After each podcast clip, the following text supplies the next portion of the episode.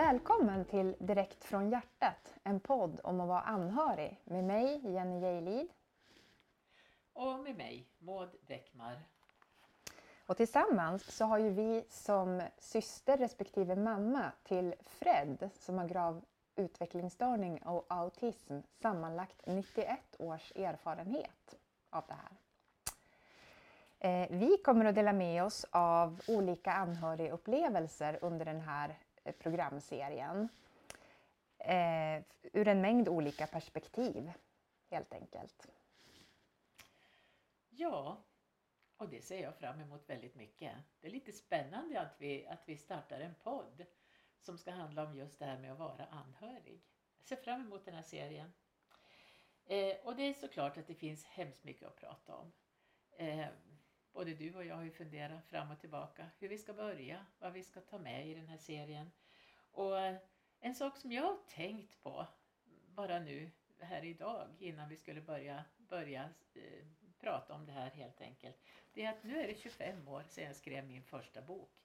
Du vet Freds bok som den fick heta. Och som handlade om mitt liv med honom och som väldigt mycket mammaperspektivet handlar ju om då. Och eh, jag valde också att skriva om väldigt mycket känslor i den boken. Om upplevelser, om vardagen helt enkelt. Hur det kunde vara från morgon till kväll och hur det, kunde, hur det gick liksom till under de här åren när också Fred var så väldigt utåtagerande som han var. Eh, alltså, en del människor, jag har fått höra ibland att, att den här boken är väldigt känslofylld och jag kan tänka mig kanske att det finns en del som hade tänkt sig att man skulle ha lite mer analyser med kanske. Lite mer slutsatser, vad vet jag. Men det var ju väldigt medvetet som jag faktiskt valde det här att skriva ur ett upplevelse och känsloperspektiv helt enkelt. Mm. Mm. Men jag tänker ju precis att, eh, som du är lite inne på när du beskriver det här, att en historia blir ju väldigt olika beroende på när man skriver den, tänker jag. Om, om jag ska fundera kring det du säger 25 år sedan. Hur tänker du, om du hade skrivit den här historien idag, hur tänker du kring, kring det? Ja, den tanken har jag ju aldrig tänkt. Så därför måste jag ju få, få tänka lite medan jag pratar då. Mm. Eh, om jag hade skrivit den idag. Alltså jag tänker att, att, att på något vis är jag glad än idag att jag skrev boken på det sätt jag gjorde. Därför att jag vet att det finns så otroligt mycket böcker som är analyserande, berättande på helt andra sätt. Eh, där slutsatser dras och, och, och eh, där det psykologiseras, som jag säger det lite, med ett lite skämtsammare ord. Men, eh, och det är ju jättebra såklart. Men, men jag kan nog känna ändå att ibland, alltså det jag ville göra var ju lite att krafsa på människors hjärtan. Inte bara analysera. Eh, därför att jag tänker också att analyserna kommer ju senare, kanske när jag och an, när man har mer distans till det man har upplevt. Och nu har jag ju naturligtvis väldigt mycket längre distans. Dels de här 25 åren sedan jag skrev boken men också alla åren innan där. Eh, när jag berättade om, om mitt liv med Fred som det var då från det han föddes tills han flyttade hemifrån. Och jag tänker också att ju mer distans man får till sina upplevelser, om det då är, är distans på grund av att tiden går eller annan distans till sina känslor och upplevelser så, så, så går det ju inte att skriva om det på samma sätt. Man glömmer, man, eh, tiden gör saker med det som har skett egentligen. Mm. Ja. ja. Nej, men jag, jag, jag håller märklig, verkligen med dig och jag tänker att det finns ju inget rätt eller fel. Det är inte det det handlar om när man berättar sin historia. Och allting tänker jag behövs. Mm. Det behövs även analyser och verkligen ja, utifrån perspektiv. Men absolut! Såklart. Men, men jag är också inne på det här du, du pratar om, vikten av att, att faktiskt kanske beskriva när det är som allra sårigast också för att det kan vara väldigt tröstande att få känna igen sig, att det finns andra som, som är i det här. Jag, jag tror att det kan vara ganska tröstande för många, kanske lite paradoxalt. Man kan tänka att, att det kan vara läkande att läsa om att ja, men det blir bättre sen. Men, men igenkänning är ju också någonting väldigt läkande och därför tänker jag att det är viktigt att det måste få finnas lite ofiltrerat, lite obearbetade upplevelser Ja, också. och inte Vad tänker du? Nej. kanske som, som det blir i ett senare skede. Nej. Och, och jag tänker också att eh, den togs ju emot på olika sätt också den här boken och jag ska inte berätta så mycket om det därför jag fick väl inte så många reaktioner. Det hände att jag fick höra att den var så känslomässig så att den var eh, kanske lite jobbig för en del att läsa. Jag fick också en reaktion från Rune Odelberg som var chef för omsorgerna på den tiden här i Östersund. Eh, och han sa så här att den här boken önskar jag att jag hade läst för 30 år sedan. Då hade jag förstått saker mycket bättre. Och då kan jag tänka mig liksom att ett, ett sånt här perspektiv som skrivs ur känslan där man berättar om en vardag som inte är så enkel. För jag hade liksom inga rosa filter heller utan det, det, det, jag skrev väldigt öppet.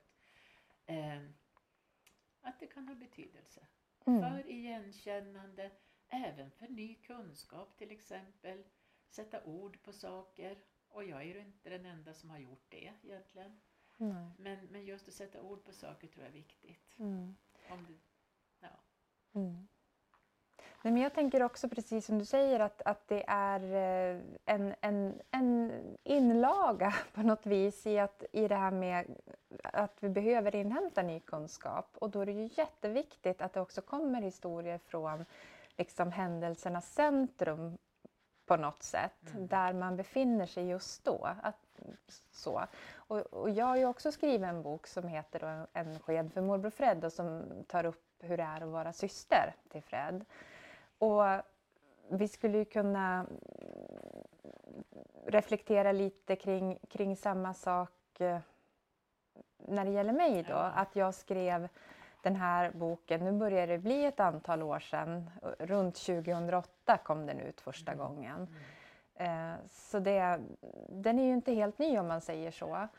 Eh, Och jag kan väl känna att jag skrev den lite i en slags mellanläge då. Att jag hade fått en del distans, det, det tycker jag nog att jag hade fått. Men det är ju inte samma bok som nog hade blivit skriven om jag hade skrivit den idag.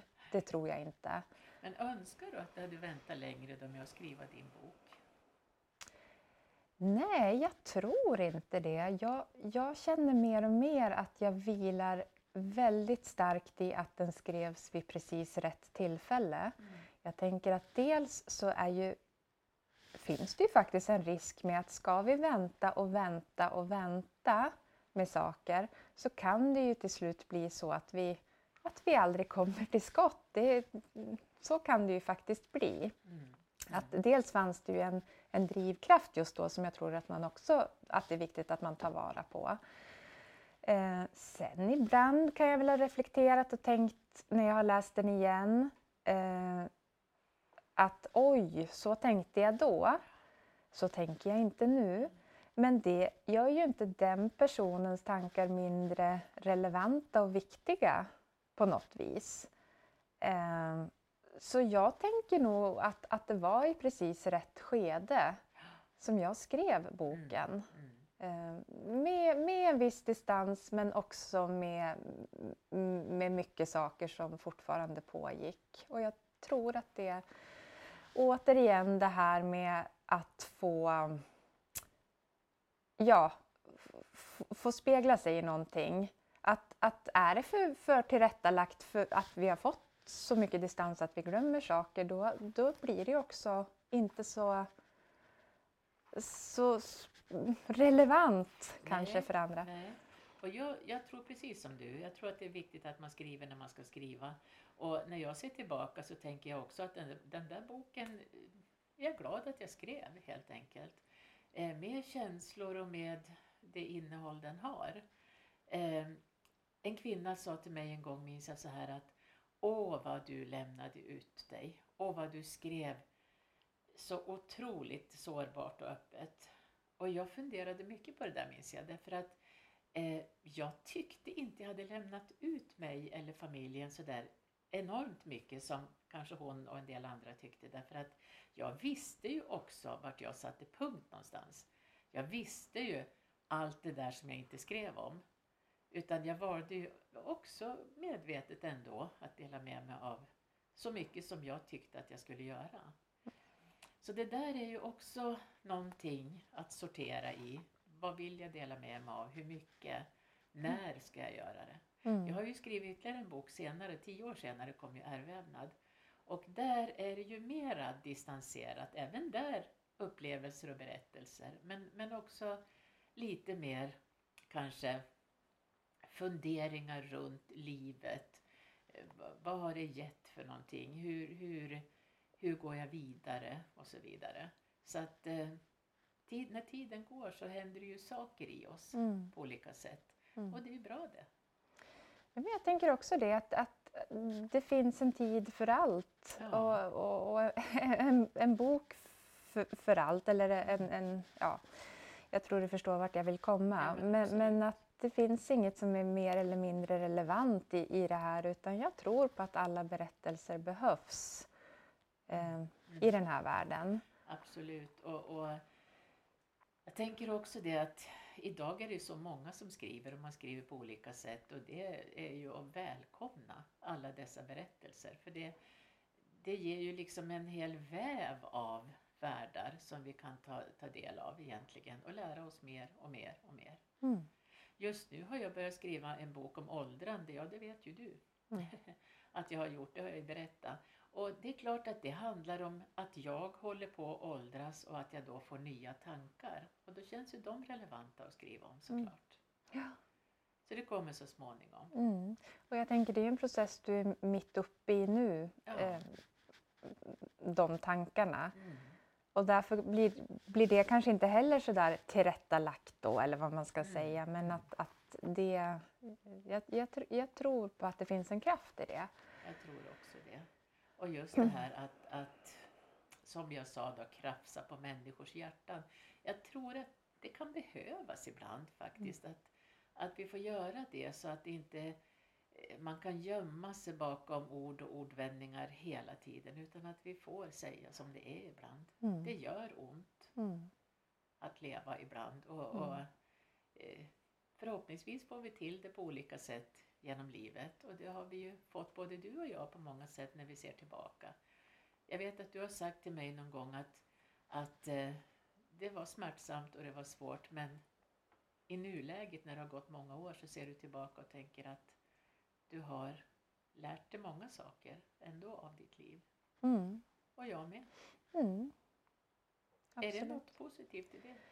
Jo men, jo, men det är det ju verkligen. Och, och det är viktigt också att sånt kommer fram. Och samtidigt när man är i det mest akuta så kanske det inte alltid tas emot, tänker jag, på, på det sätt man skulle önska. För att då blir det lite som ett slag i ansiktet. Och just därför så behöver vi, tänker jag, olika böcker för olika skeden i livet att läsa. Så. Absolut. Mm, det kan vi enas om. Ja. Mm. Och det där minns jag så väl, det är precis det du säger då.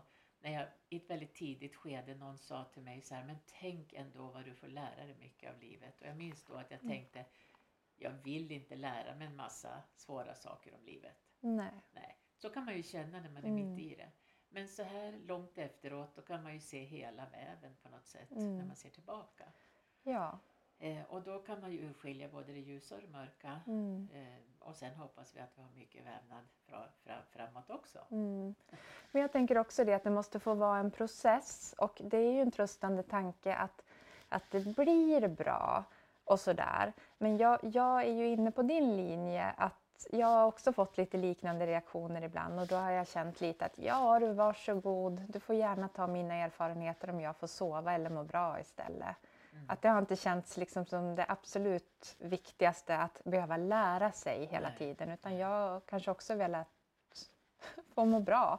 Men, men som du säger, det spelar ingen roll så kommer man ju framåt. Ja. Ingenting liksom varar ju för evigt.